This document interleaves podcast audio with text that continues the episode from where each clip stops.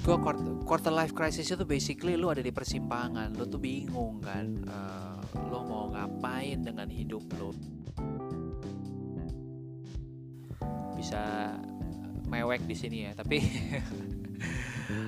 long long story shortnya aja um, tadi gue udah sempat cerita bahwa I bokap nyokap gue itu guru. Halo guys, welcome to podcast 430, podcastnya anak muda Indonesia. Hari ini gue kedatangan founder dari 30 Days of Lunch dan juga mentor gue apps. Satu-satunya influencer yang bisa podcast dengan Gary V, Mas Alexandro Ruby. Halo Mas Ruby. halo Aku tahu kalau kau Ruby itu nggak suka basa-basi terlalu lama, jadi langsung aja hari ini kita mau ngomongin topik soal pendidikan. So stay tune sampai akhir karena di akhir ini akan ada giveaway di akhirnya ya.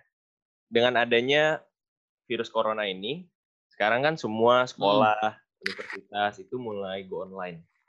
Nah, uh. Korubi ini kan udah sharing dari Ed Alexandro itu dari awal 2018 dengan hashtagnya belajar berkarya berbagi. Mm-mm. Terus Korubi juga udah sharing di 30 Days of Lunch itu dari pertengahan 2018. Dan Korubi ini kan udah apa bring a lot of impact gitu ya.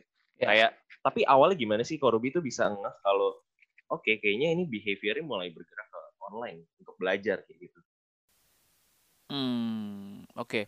Sebenarnya gua punya hunch. Jadi memang semuanya dimulai dari insting dulu sih. Nggak nggak punya data yang realnya pada masanya. Tapi yang gua tahu waktu itu adalah eh, sosial media itu mengalami shifting.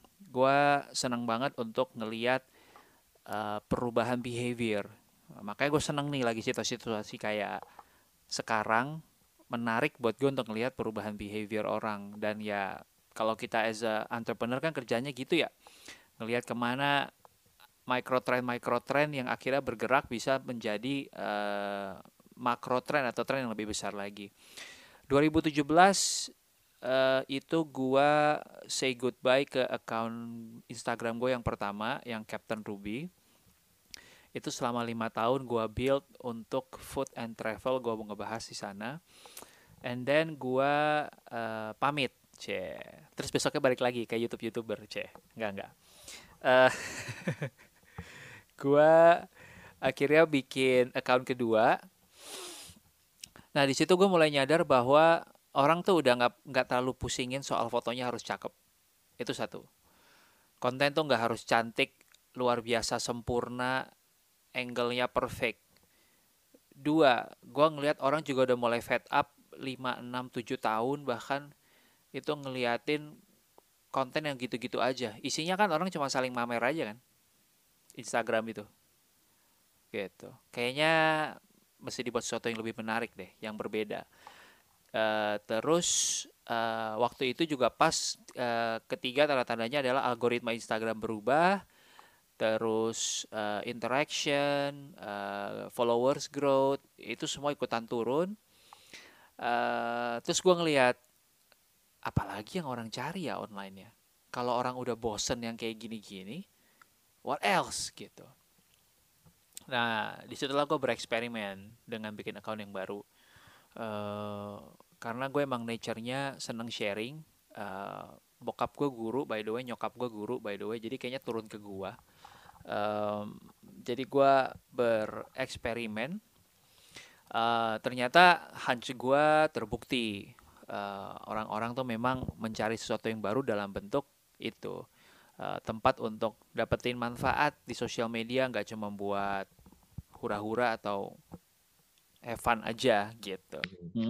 So it all start with hunch gitu ya kok ya. Sometimes kayak we just trust kayak perasaan Hmm. kita, feeling kita gitu ya. Mungkin hunch itu bahasanya gua, tapi mungkin sebenarnya hunch itu juga lahir karena sudah ngelihat faktanya dulu yang kejadian di lapangan. Misal gini ya, gimana akhirnya hunch gue bisa gue confirm terus akhirnya oke gue mau bikin.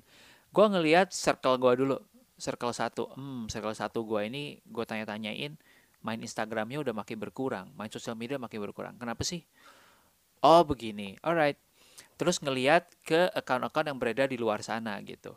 Eh cari bibit-bibit rekan-rekan yang sebenarnya mungkin pada masanya ya 2017 ya followers nggak banyak tapi kok interactionnya bagus gitu engagementnya tinggi gitu nah terus juga mulai ngelihat uh, suara-suara dari influencer. Nah ini ini ini ini menariknya gue karena gue punya digital agency.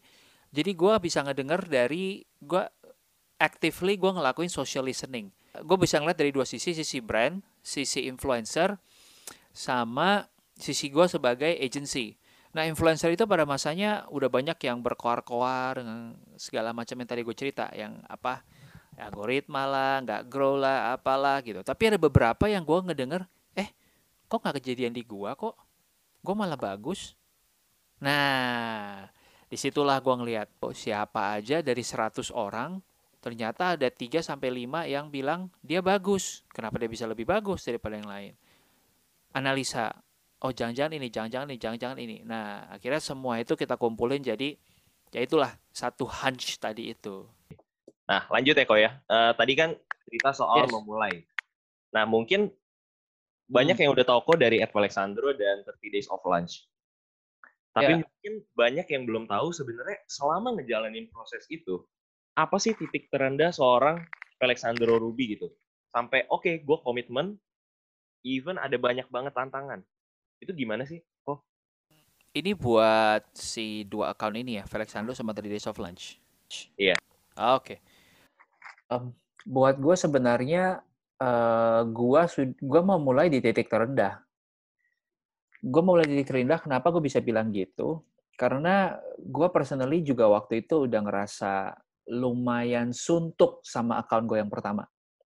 Oke, okay, ya. Kapten Ruby. Gue ngerasa bahwa yang Captain Ruby. Suntuknya dalam artian gini, gua udah 6-7 tahun di dunia F&B sebagai fotografer food. Uh, lo kalau pergi ke Indomaret ya atau ke Alfamart, lo ke bagian snack, terus lo cari Citato, itu foto makanan yang ada di packaging Citato itu foto gua.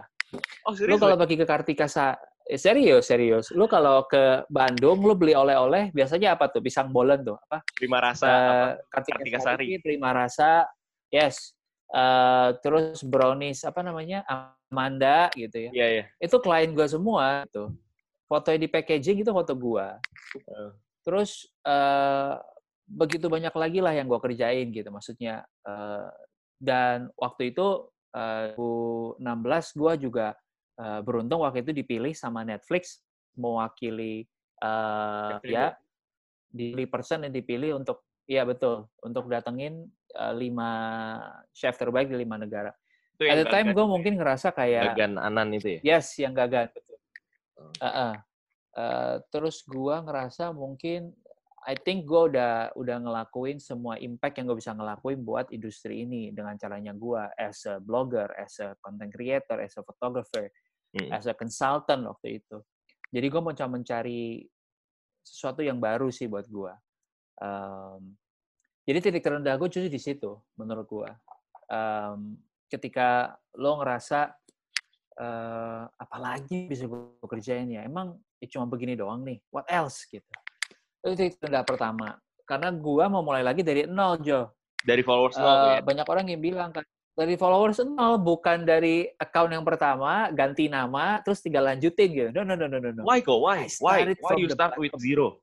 Kenapa? I really really want a fresh start. Gitu. I really want a fresh start. Kayak kalau lo ngelihat yang Captain Ruby, uh, gue bahkan gak tulis nama asli gue di situ. Ya kan? Captain Ruby satu, dua di kolom namanya gue nggak tulis nama gue, gue tulis food photographer Jakarta gitu right uh, and and apa ya ketika gue bikin yang Felixandro gue ngerasa kayak oke okay, now I can be me I can be siapa gue yang lebih holistik yang lebih lengkap yang gak cuma ngomongin food gitu because gue ngerasa food and travel is just maybe a very small part of me gitu yang gue pengen bisa cerita yang lain gitu gitu sih jadi gue mulai dari nol waktu itu intinya adalah satu I want a fresh start. Dua, uh, gue ngerasa kalau gue mulai dari nol, gue lebih terchallenge. Emang anaknya suka bikin susah diri sendiri ya. Terus yang ketiga, kalau kalau waktu itu gue mikir, if I made it one day dengan mulai dari nol, ceritanya akan jauh lebih powerful. So it's not just about what I want to achieve or what I want to accomplish, but how do I get there menurut gue juga menarik. Dan sekarang jadi cerita yang lebih lebih powerful kan, bahwa I get to where I am now from mulai dari nol lagi gitu. Dan itu lebih itu cerita yang lebih kuat daripada ya gue sekarang berada di posisi gue karena dulu gue udah punya 30 ribu followers terus gue tinggal naikin lagi jadi 50 ribu gitu. So kita move on ya kau ya. Uh, eh boleh boleh.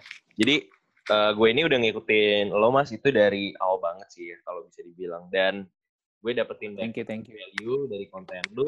So kayak gue ada perasaan untuk give back gitu.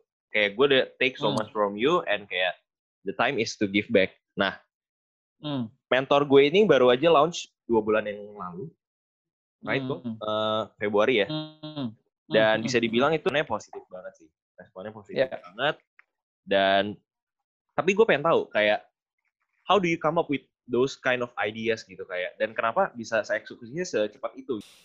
Um, jadi gini, ini ini kalau cerita mentor gue kalau mau diangkat jadi roots ya banget mungkin gue bisa eh, mewek di sini ya. Tapi long long story shortnya aja um, tadi gue udah sempat cerita bahwa I bokap nyokap gue itu guru. And guru betul. Dan gue ada satu momen di tahun lalu ketika oma gue meninggal. Itu kan orang-orang pada datang ya ngebesuk sorry uh, ngelayat kok ngebesuk. Ngelayat terus uh, ada ma ada beberapa malam kita tuh sekitar lima malam ada satu dua malam yang murid-muridnya bokapku tuh datang semua. Gitu. Dan lu bisa bayangin ya bokap gue tuh ngajarin kalau nggak salah itu tiga tahun. Art artinya ada tiga uh, ada tiga batch of anak-anak SMA waktu itu yang eh, eh SMA apa SMP gue lupa yang datang gitu. Jadi jumlahnya ribuan.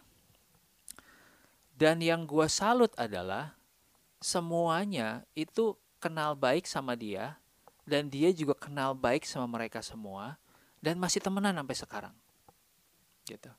Um, dan itu buat gue jadi kayak wow, this is a this is something yang luar biasa banget ya. Kalau lu bisa guru itu buat gua jadi bukan hanya sekedar ngajar. Guru itu buat gua kayak bokap gua gitu ya. Dia bisa mengintervensi seseorang di dalam salah satu momen dalam hidupnya mereka. Kalau lu tanya murid-muridnya, hampir semuanya punya cerita. Iya dulu tuh bokap lu nih ya, waktu gua lagi sekolah tuh dia giniin gua. Jadinya gue begini. Kalau nggak ada dia, gue nggak begini. Paham gak maksud gue? Lu nggak butuh untuk bertahun-tahun ngajarin orang supaya orang itu berubah, supaya orang itu punya eh, lu bisa kasih impact ke orang.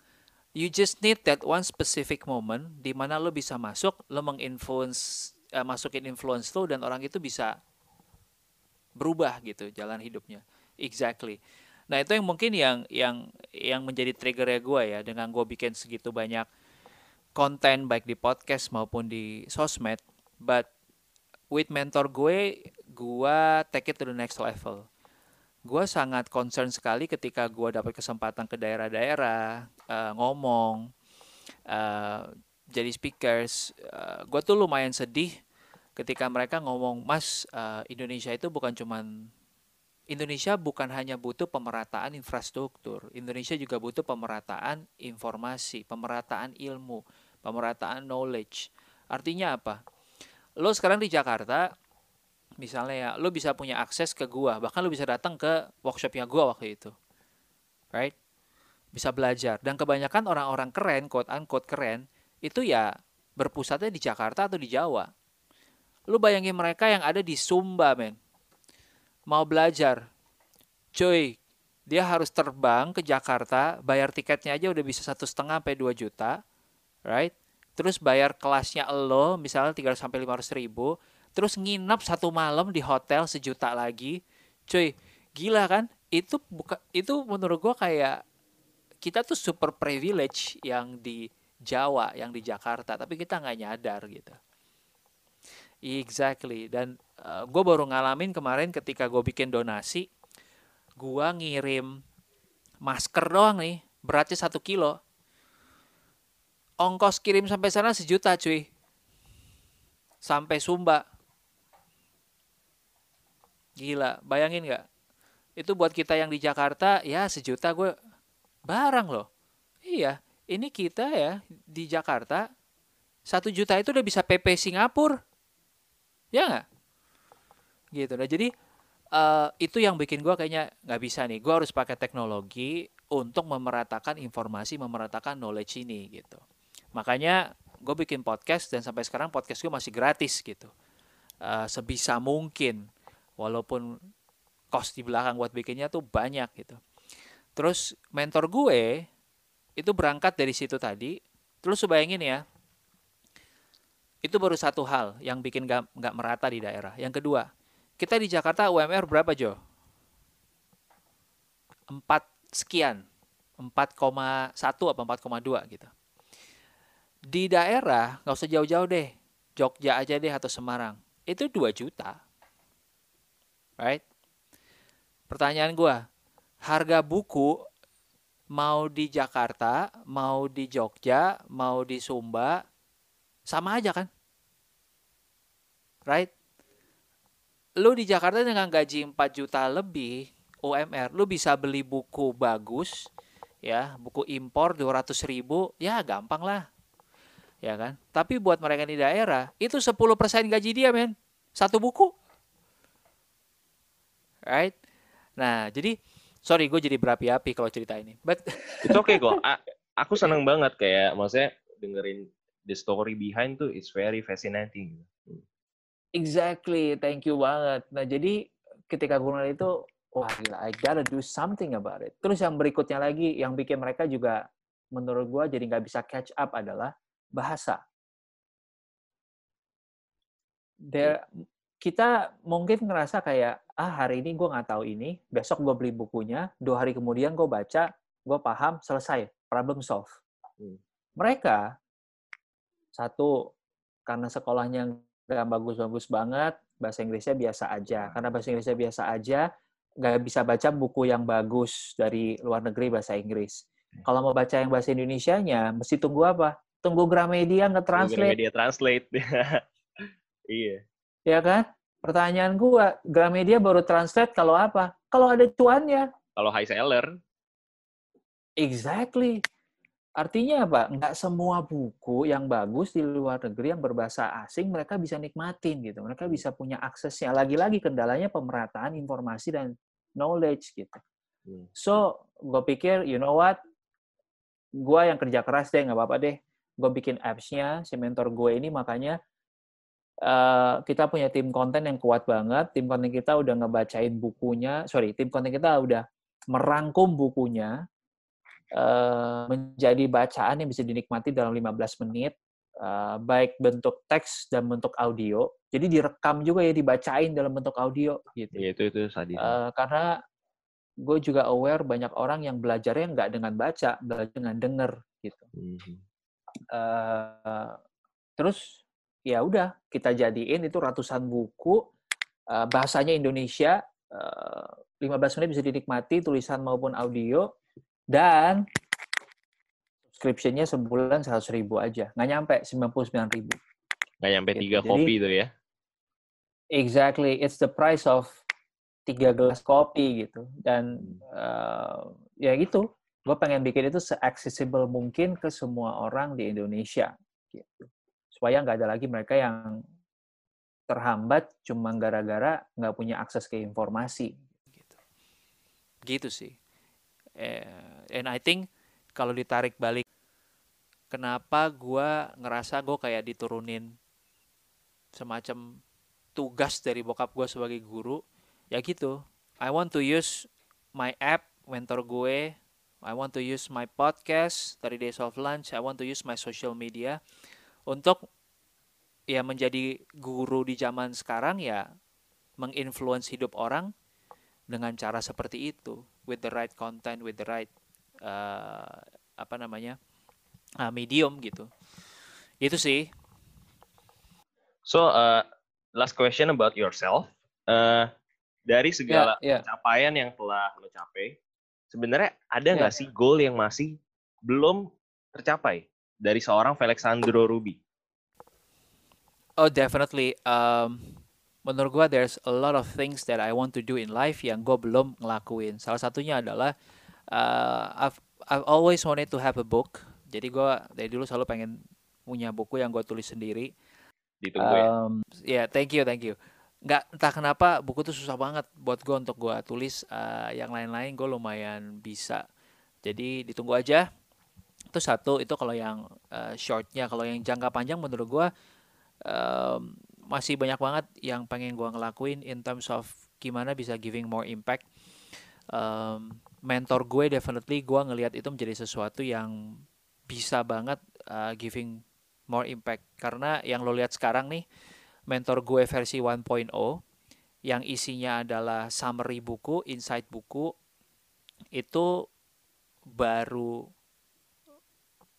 baru secuil dari dari the big plan yang pengen kita kerjain gitu. Dan dan uh, I'd like to see that happen gitu. Dan semoga gue gue semakin semakin banyak orang-orang yang bisa datang ke gue dan bilang wah thank you gara-gara mentor gue nggak ada lagi tuh kasus-kasus yang mereka ngerasa gue nggak punya akses ke orang-orang keren gue nggak punya akses ke buku-buku keren gue nggak sanggup karena di Jakarta tuh atau di Jawa itu mereka sangat privilege gue gua gua pengen patahkan itu semua gitu. Supaya lo mau dari uh, Aceh sampai lo uh, Papua minimal lo gue sama ratakan dari sisi kesempatan untuk akses ke ilmu gitu jadi nggak ada orang yang bisa bilang kayak ah lo kan privilege karena di sini. Nggak. Gue mau samain dulu playing fieldnya. Mau dari ujung mana ujung Aceh sampai ujung Papua sama dulu udah. Gitu itu menurut gue udah ngebantu banget gitu. Karena banyak dari kita yang di daerah itu playing fieldnya nggak sama. Mulainya dari bawah banget gitu. Kalau kita di Jawa mungkin bilang kita mulai dari nol, mereka mungkin mulai dari minus, cuy. Gitu. Nah, itu yang yang yang goal gue sih ya, menurut gue. So, kita move on ya, kok ya. Yes. Hari ini kita mau ngebahas satu case study. Jadi, case study ini yeah. adalah dari revolusi, bisa gue bilang, uh, revolusi yang terjadi setahun terakhir. Dan hmm. kita belum lihat efeknya. Tapi gue mau tahu opini lu terhadap revolusi ini. Jadi, Oke. Okay. Pas periode satu kemarin itu Jokowi itu memfokuskan kepada pembangunan infrastruktur. Jalan tol ke Papua, ke segala Jawa, Sumatera, hmm. semua Kalimantan difokuskan. Hmm. Hmm. Jadi lima tahun itu, wah yang namanya emiten konstruksi, semua itu labanya semua perusahaan meningkat. Hmm. Nah, lima tahun ini Jokowi itu bergeser menjadi kayak, oke, okay, daripada kita bangun infrastruktur aja, kenapa nggak kita fokus bangun hmm. SDM yang unggul? Let's say ini kan topiknya berhubungan dengan SDM unggul ya. Nah, sekarang itu yeah. Menteri Pendidikan kita itu adalah uh, Mas Dani Makarim. Dia itu former yeah. di CEO Gojek dan yeah. salah satu uh, talks dia di salah satu podcast yeah. dia dia ceritain soal di Gojek itu dia tidak lagi memprioritaskan IP atau nilai rapot gitu sebagai filter utama. Hmm. Tapi hmm. dia malah mencari orang-orang yang IP-nya lebih rendah, tapi punya skill organisasi, pengalaman bekerja, hmm. pengalaman dengan tim itu lebih banyak. Hmm. Nah, lo mas, hmm. as a hmm. business person, lo kan rekrut hmm. orang nih. Lo setuju nggak yeah, sih yeah, yeah. kalau ternyata soft skill itu lebih penting daripada nilai atau IP? Oke, okay, um, dari pengalaman gua selama 5-6 tahun running bisnis uh, jujur jujur uh, gua tuh jarang banget ngebukain CV orang esin ngeliatin sekolah di mana terus kayak IP-nya berapa uh, yang gue cari makanya selalu adalah karya lu aja kasih lihat gua gitu karena uh, nilai itu means nothing kalau lo nggak bisa praktekin ke dalam kehidupan nyata gitu. Karena gue ketemu orang begitu banyak yang begitu jago IPA, mate, atau apa pun lah angka lo di sekolah. Tapi lo nggak bisa kontekskan ke real life. Buat apa? Gitu. menurut gue itu percuma kan uh, kayak kasarnya gini deh. Lu sekolah jurusannya entrepreneurship. Ya kan? Di kampus lu kalau bikin bisnis plan lu juara dapat A. Cum laude 4 GPA lu right? Tapi itu bisnis plan yang tidak pernah diuji ke lapangan. Cuman cuman ngadu sempurna di kepala aja sama dosen lu tapi nggak pernah dites ke market right itu kan like buat apa gitu gua tidak melihat ada korelasi yang kuat antara nilai yang bagus dengan orang yang bisa mengaplikasinya ke real life. Hmm. Gitu. Karena yang dunia butuh Karena itu bukan soal nilai ya, tapi soal yes, aplikasi itu ya. Betul. Uh, how do you contextualize it in real life? Uh, makanya ada orang-orang yang mungkin nilainya nggak bagus-bagus banget, dia cuma jagonya mungkin di satu dua subjek, tapi satu dua subjek itu dia uh, jago banget untuk di konteks ke real life gitu. Makanya hmm. makanya jadi kelihatan banget jagonya gitu. Hmm. Uh, uh, gitu sih. Jadi menurut gua uh, menurut gua GPA is just nice to have. Uh, nice to GPA have. itu hanya pembuktian bahwa lu jago ngapal. Uh, jago ngapal, bukan jago praktek. lu cuma buktinya lu jago ngapal, iya benar gitu. Di salah satu presentasi uh, menteri kita, menteri pendidikan kita juga dijelasin bahwa seperti yang dari tadi kita obrolin ya, sebenarnya nggak yeah. ada satupun pekerjaan yang hanya membutuhkan satu skill. Let's say yeah. lo seorang uh, yeah produser film, sutradara gitu kayak mungkin lu butuh yeah. script writing, lu butuh yeah, yeah. filman, lu butuh marketing atau lu misalkan seorang yeah. pengacara. Mungkin lu butuh ngerti ilmu hukum, tapi lu juga harus ngerti how the business works. Nah, kenyataannya hmm. di lapangan saat ini, ini data dari pemerintah kita. Hmm. Hmm. Dari 100% yang dipelajari di kuliah, yang terpakai di real life itu hanya 20%. Hmm. Dan dari 100% lulusan, let's say gue hmm. jurusan hmm. bisnis, yang akhirnya yeah. beneran di jurusan yang sama, itu hanya 25%.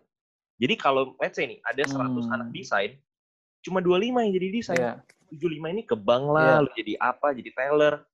Hmm. Dengan realita yang kayak gini, what do you think gitu? Kayak apa yang sebenarnya kita mahasiswa tuh harusnya lakuin selama kita lagi di kuliah? Ya, uh, ini ini ini yang menjadi pengamatan gue juga dan menjadi kekesalan gue sendiri juga for the past 5-6 years. Jadi I have another company namanya Impact Factory. Itu kita fokus ke uh, eh, HR consulting and training. Uh, so basically fokus ke people development. Kita udah pernah nulis ini di sebuah buku. so actually I have a book published namanya Passion to Performance. Di situ kita ngelakuin riset juga dan kita aware banget bahwa sistem edukasi Indonesia itu masih menggunakan sistem yang sama dengan 40-50 tahun yang lalu. Right? Nah, bayangkan, uh, sorry, bahkan lebih lama dari itu. Yang perlu dicatat adalah sistem edukasi yang kita punya sekarang ini kan turunan dari negara lain, ya kan? Kan kita negara jajahan ya. Nah, negara lain ini pun mereka mengambil sistem edukasinya dari negara lain lagi. Ya, yang waktu itu membuat sistem edukasinya seperti itu ketika ada namanya Industrial Revolution. Right? Uh, dunia kan bergeraknya begitu ya. Pertama-tama semua semua orang itu agriculture, semua adalah farmer, semua adalah bercocok tanam, semuanya tuh fokus ke sana. Uh, menggunakan sumber daya alam yang ada, terus gua harvest saja, that's my job. Right? Lama-lama move ke mereka yang Eh, bisa menciptakan listrik, bisa menciptakan mesin, akhirnya muncullah pabrik-pabrik. That's industrial revolution. Right? Nah, ketika industrial revolution ini terjadi, edukasi itu mulai hadir juga, mulai ada sekolah. Kenapa? Orang-orang mulai mesti diajarin bisa baca tulis karena mulai butuh kantor, ya kan? Mulai bisa memahami uh, apa namanya? hitung-hitungan gitu kayak the basic uh, inilah uh, apa namanya? Eh, kalau edukasi tuh baca, nulis, ngitung, bahasa gitu ya. Uh, nah, yang terjadi waktu itu edukasi itu dibikin gunanya buat apa? Gunanya buat mengisi kantor-kantor, gunanya buat mengisi pabrik-pabrik. Nah, why is it that sekarang kita udah ngelak udah udah jauh banget dari dari zaman itu kita masih pakai cara yang sama gitu. Kalau lu lihat di Amrik udah banyak juga sekolah-sekolah yang akhirnya uh, sangat fokus kepada uh, satu bidang tertentu. Misal lo udah tahu banget anak lo nanti udah mau jadi pengusaha. Well, ya ngapain lo capek-capek lagi? Satu sekolah yang gue suka banget tuh namanya Prasetya Mulia. Sekolah gue. Sekolah gue ya kan? itu kalau ngomongin entrepreneurship, menurut gue nggak ada sekolah yang lebih baik at the moment ya. Uh, selain uh, Prasetya Mulia. Karena dari semester 3 apa 4 ya, lu udah disuruh bikin bisnis kan? Semester 1 kok. Jadi semester, semester 1, 2, 3, 4, one business, one business, one business gitu. Exactly. Menurut gua yang namanya lo mau jadi pengusaha, ya trial and error ya itu yang penting. The fact that lo turun ke lapangan, lo cari lokasi buat bisnis lo, lo mulai belajar hiring, ya kan, lo ngalamin gimana nya lo masukin modal lo beneran, terus ternyata lo rugi, kayak gitu-gitu kan, yang lo nggak bisa belajar dari textbook gitu entrepreneurship.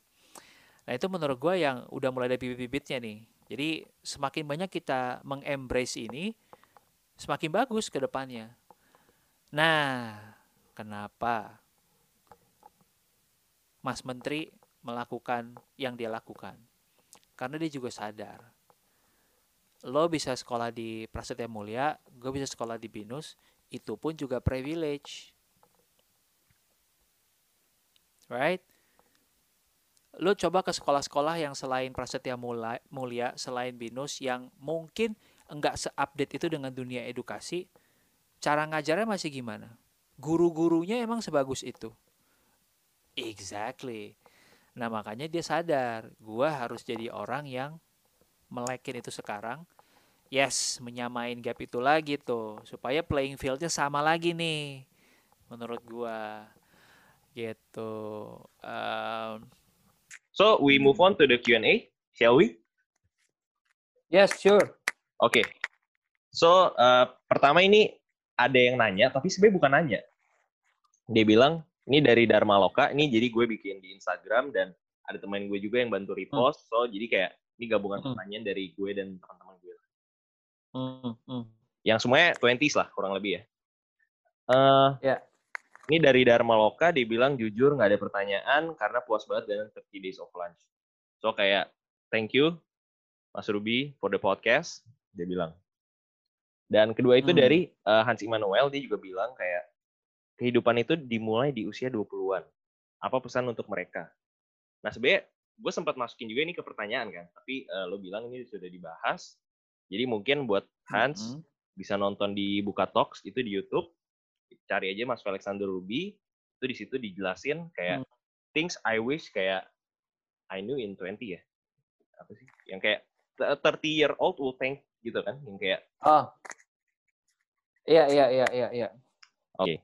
so itu kita nggak usah bahas ya mas hari ini ya yang Hans Immanuel K nah ya. hmm. oke okay, lanjut dari Ando NTN ini soal quarter life crisis ada juga yang nanya hmm. Immanuela gimana caranya dealing with quarter life crisis menurut gua quarter life crisis itu basically lu ada di persimpangan, lu tuh bingung kan, uh, lu mau ngapain dengan hidup lu dan biasanya kalau dari pengalaman gua quarter life crisis itu bisa kebagi dua. Ada orang-orang yang di persimpangan karena mereka tidak tahu mau ngapain karena udah ngejobain begitu banyak hal dan mereka ngerasa kayak kok belum ada yang pas sama gua ada yang cocok. Kok kayaknya hidup gue gini-gini aja. Dibandingin sama teman gue tuh kayak gue belum jauh. Kayak mereka udah bisa ke mana-mana. Itu satu. Tapi percaya nggak percaya ada orang yang quarter life crisisnya adalah gue umur 26 gue udah accomplish so much gue nggak tahu mau ngapain lagi dengan hidup gue jadi jadi itu kayak dua ekstrim yang berbeda. Ada orang yang ngerasa dia sangat biasa aja hidupnya ada orang yang ngerasa kayak udahlah gue udah mentok nih kayaknya udah gak bisa ngapa-ngapain lagi udah kayak accomplish so much gitu ada teman gue yang udah exit di usia 26 dari startup dia and he has enough money uh, for the next 10 years gitu right Kalau di posisi dia lo mau ngapain? gitu kan? Nah, jadi um, jawaban untuk pertanyaan ini nggak akan mudah dan ini akan menjadi sebuah journey yang butuh proses untuk lo mencapai jawabannya. Kalau gue boleh saranin, pergi ke podcast gue, 30 Days of Lunch, episode 15. Uh, obrolan sama Mas Ivan. Uh, judulnya adalah Hidup di Persimpangan. Itu akan ngebantu lo metain lo di mana sekarang, lo nanti mau ke mana, dan lo mencoba menselaraskan siapa lo ke, ke uh, hidup lo. Ya, tapi gue kasih versi pendeknya dulu sekarang uh, biar nggak kepanjangan dua menit um, quarter life crisis itu sebagian besar karena lo ngerasa lo nggak selaras antara siapa lo, diri lo dengan apa yang lo kerjain. Jadi PR lo adalah mencari keselarasan itu. Ya, selaras itu maksudnya gini. Gue percaya karir kita, kerjaan kita, bisnis kita, apa pun yang kita kerjakan harus menjadi perpanjangan dari siapa kita. Oke. Yang sering jadi masalah adalah lo di umur 20-an lo belum tahu siapa lo. Jadi jawabannya kadang-kadang bukan mencari keluar, jawabannya mencari ke dalam dulu. Emang lu tuh jagonya apa? Lu tuh sukanya apa? Lu tuh secara nature talented untuk ngerjain apa? Gitu.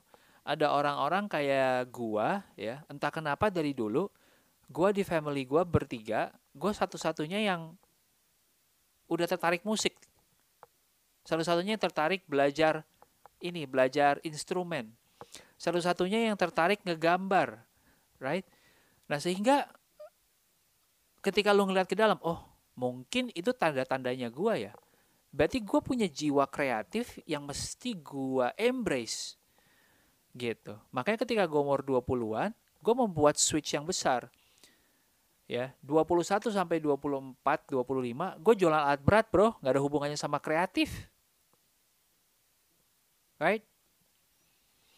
Basically sales. Nah tapi ketika gue mulai ngalamin si quarter life crisis itu gue mulai ngeliat ke dalam oh siapa gue ya? Oh gue tuh dikasih Tuhan ini men oh ternyata gue punya bibit-bibit ini yang bisa gue pakai. Kenapa gue nggak garap? Gitu. Nah ketika lo mulai bisa menselaraskan apa yang lo kerjain in my case, gue mulai waktu itu belajar fotografi, belajar ngedesain sedikit, belajar nulis. Sisi kreatif gue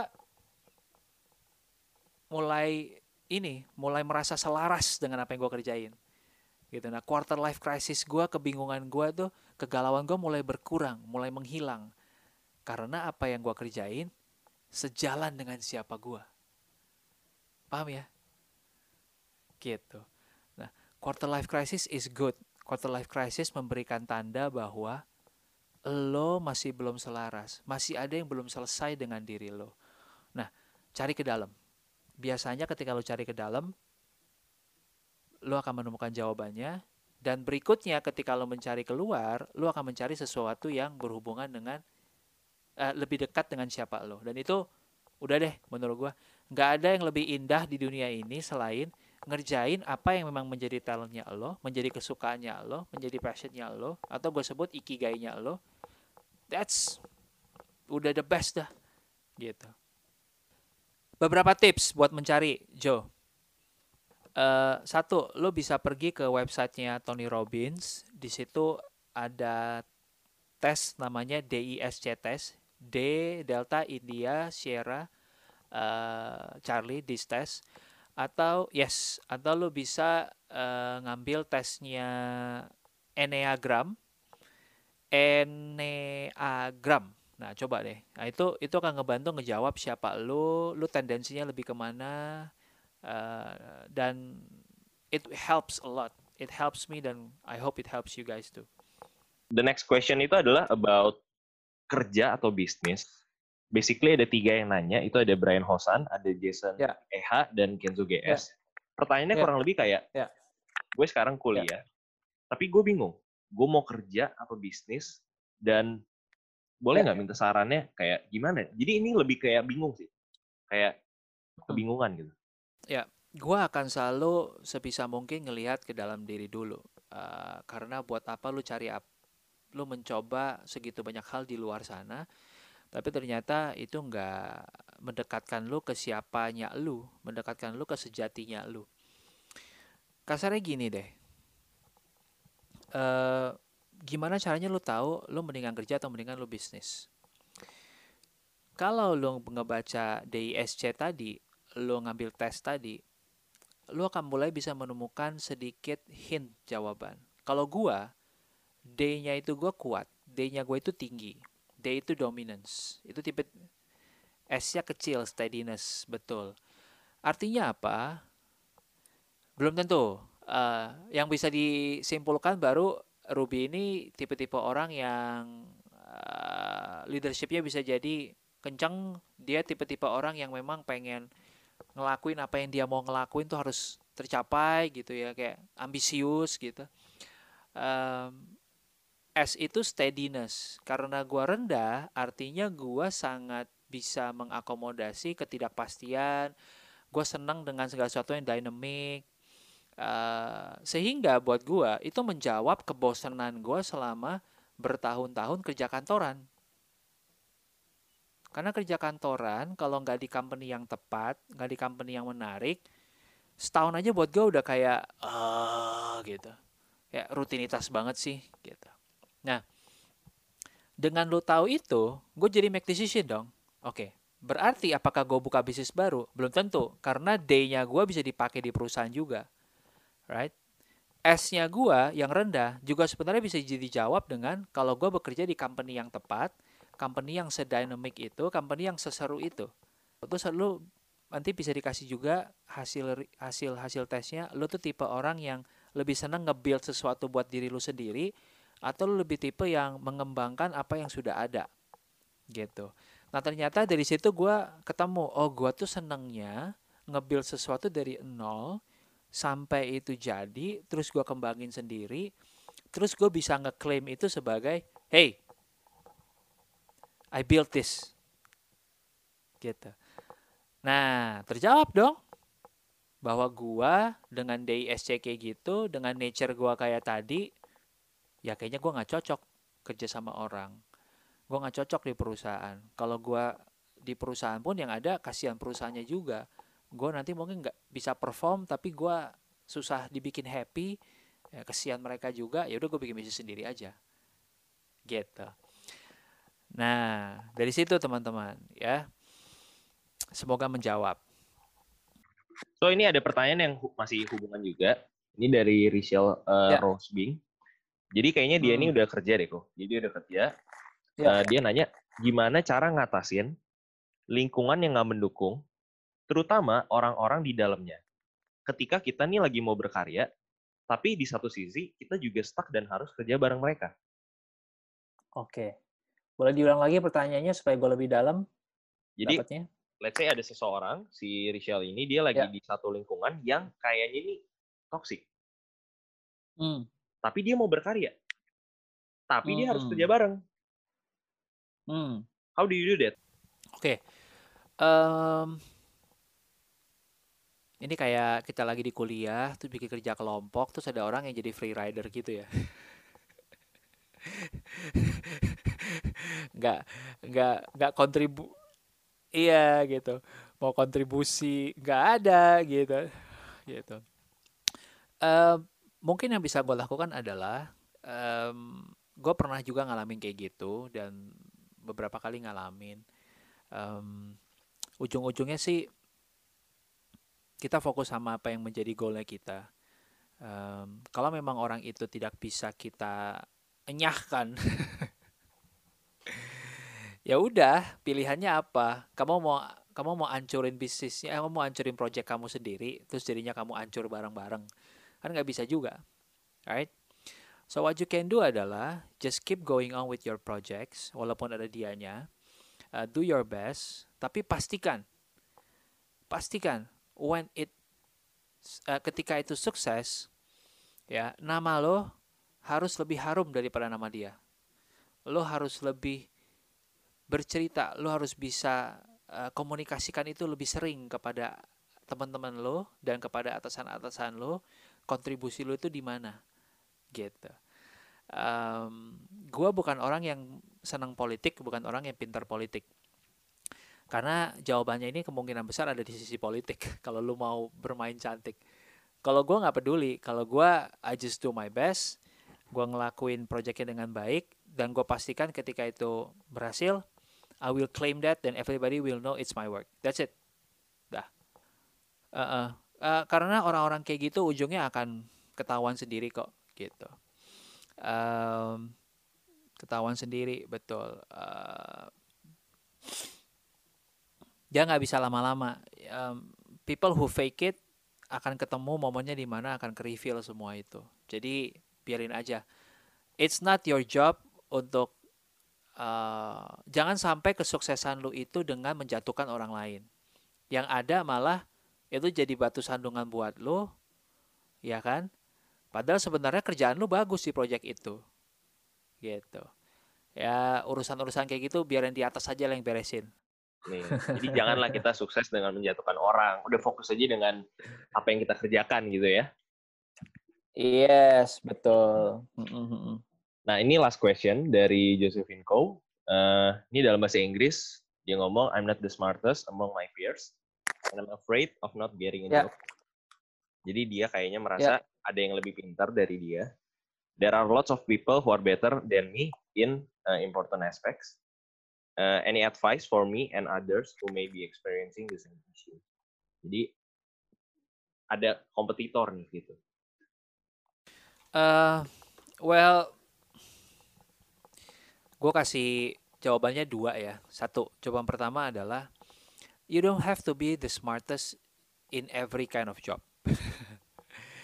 Enggak semua pekerjaan itu butuh orang yang super pintar dan super cerdas banyak juga tipe-tipe pekerjaan yang butuhnya adalah orang yang jago eksekusinya. Gitu. Ya, orang yang jago di lapangan, bukan pinter, bukan pinter-pinter analisa dan mikir ya, tapi orang yang kerjanya cepat di lapangan. Gitu. Orang yang uh, nggak hanya book smart tapi juga street smart. Jadi define lo ada di mana smartnya lo. Gue percaya semua orang itu pinter. Uh, sorry, gue revise ya kata-katanya ya. uh, pertanyaannya itu bukan lu pinter apa enggak. Pertanyaannya adalah lu pinter di mana. Paham gak maksud gue bedanya? Artinya, gue cukup percaya semua orang itu pinter. Cuman gak semua orang sadar dia tuh paling pinter di mana. Gitu. Itu kerjaannya lu yang harus lu cari gitu. Even temen lu yang lu ngerasa lebih pintar dari lu pun nggak mungkin pintar di semua hal, right? Pasti ada bagian yang lu lebih pintar daripada dia. Jadi menurut gue itu yang pertama lu mesti cari, right?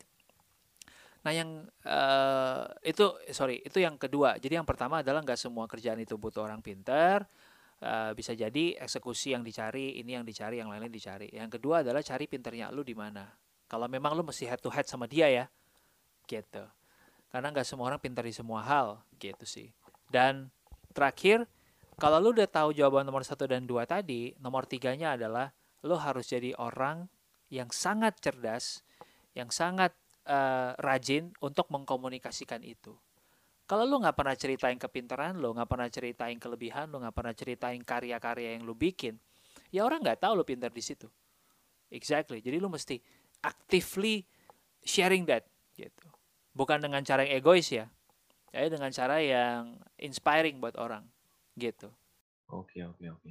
Tapi kayak uh, lo ada concrete advice gak sih? Let's say kayak untuk menemukan dari tadi kan kita ngebahas soal menemukan diri kita mungkin iya. apakah ya. kayak kita bikin riset ke teman-teman kayak eh gue jagonya apa sih atau ya. gimana ya soalnya ya. mungkin my pendengar ini kan mau langsung nih lakuin nih ya. lebih dari sini ya. gimana ya cara I ya. reinventing myself gitu uh, gua gua hanya akan ngelakuin yang tadi lu bilang tuh kayak nanya teman-teman kalau emang di teman-teman yang sudah lama bareng gua satu eh, walaupun lama belum tentu indikator. Yang kedua adalah orang yang sudah dekat dan kenal gua banget. Artinya sering berinteraksi dan ini orang peka sama siapa gua. Gitu. Orang tua menurut gua agak bias. Uh, kecuali lu, ber, lu kecuali bertanya hal yang tepat. Gitu. Ke- Kalau mau, lu boleh tanya ortu, tapi lu tanyanya kayak gini, Mam, dulu waktu aku kecil tuh aku suka ngapain ya? Aku tuh kecil bisa nyanyi nggak sih? Dulu tuh aku kecil tuh seneng, eh, lebih seneng lari, main di luar, apa aku lebih seneng di rumah baca buku? Kayak gitu-gitu loh. Right? To understand your nature. Karena mereka yang ngerasain kan, ah kamu lari-lari di luar, kamu dulu ketemu matahari aja kamu nangis, misal gitu ya. Right? So, eh, itu kan bisa kelihatan. Atau misalnya kayak, ah kamu dulu eh, baru lompat sedikit aja udah keseleo gitu. Kamu kerjanya kan waktu kecil keseleo mulu gitu. Nah itu kan jawab ya. Kayak, you know you are not born to be an athlete gitu. Nah kalau lo mau tanya orang tua, lo tanya kayak gitu. Nature-nya lo tuh kayak gimana? Nah, kalau lo mau tanya temen, yang lo tanya adalah, selama ini lo kerja sama gua, selama ini lo misalkan satu grup sama gua, apa yang lo paling suka dari gua? Apa yang lo ngerasa terbantu dengan kehadiran gua? Paham ya? Gitu.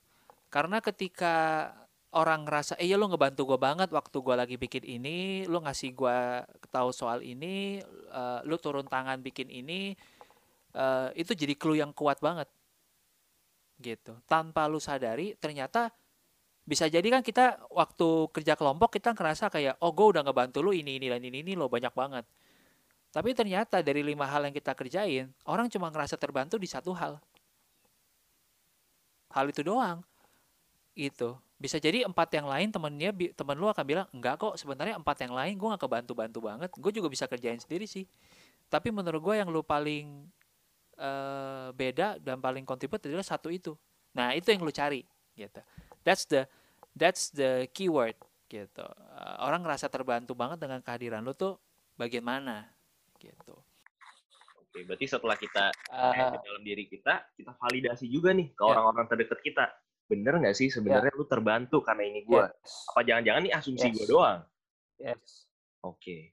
Betul, betul. Nah, terus lu gabungin lagi sama yang tadi, yang DISC, yang Enneagram. That's it. Lu udah bisa mulai metain kira-kira eh, apa yang bisa lu kerjakan gitu. Nah, itu satu. Itu kan baru ngeliat ke dalam ya. Kayak lu mulai kenal siapa diri lu. Nah, kalau ngomongin reinventing yourself, gua tuh pakai pakai petanya peta ikigai sih, gampang. Dari tadi yang kita lakukan dengan ngeliat ke dalam itu baru mencari tahu dua hal what you love and what you are good at. Apa yang lu suka dan apa yang lu jago. Nah, tapi ikigai itu ada empat. Selain dua itu, yang perlu lihat adalah apa yang dunia butuhkan dan apa yang dunia bersedia bayar. Gitu. Nah, sekarang lu udah tahu kan apa yang lu suka dan apa yang lu jago. Right? Nah, dengan skill itu, dengan nature-nya lo kayak gitu, dengan talent-nya lo kayak gitu, di luar sana kemungkinannya apa aja yang orang bersedia bayar untuk itu gitu. Apa aja yang dunia butuhkan dengan skill-skill itu? Gitu. Kan itu bisa di reverse engineer ya. Paling gampang ini deh lu pergi ke lu Google namanya Kelly Consulting K E L L Y ya. Ketik aja Kelly lalu kata kunci berikutnya adalah salary survey atau salary guide atau salary guide. Nah, setiap tahun Kelly itu mengeluarkan hasil riset mereka gaji seluruh pekerjaan yang ada di dunia. Nah, lo buka tuh. Itu dibagi berdasarkan industri. Ada industri tambang, industri edukasi, ada farmasi, Uh, terus masing-masing di dalam industri itu ada role yang beda-beda lagi. Kalau lu di pabrik gimana, lu di accounting gimana, di marketing gimana. Lu bukain semua itu lu lihat mana yang lu tertarik. Ini buat Amerika atau Ya. buat Indonesia kok? Buat seluruh dunia. Oh, oke. Tapi Oke. kayaknya fokusnya di Amerika Oke. gitu. Tapi kita bisa dapat gambaran lah ya. Eh, Betul. Hmm, Karena kan sekarang juga kerja lu Iya. nggak mau nggak cuma di Indonesia doang, lu kalau mau bisa cari kerja di luar. Iya. Eh, dan ke- sebagian besar kerjaannya kalau ada di luar pasti ada di Indonesia juga.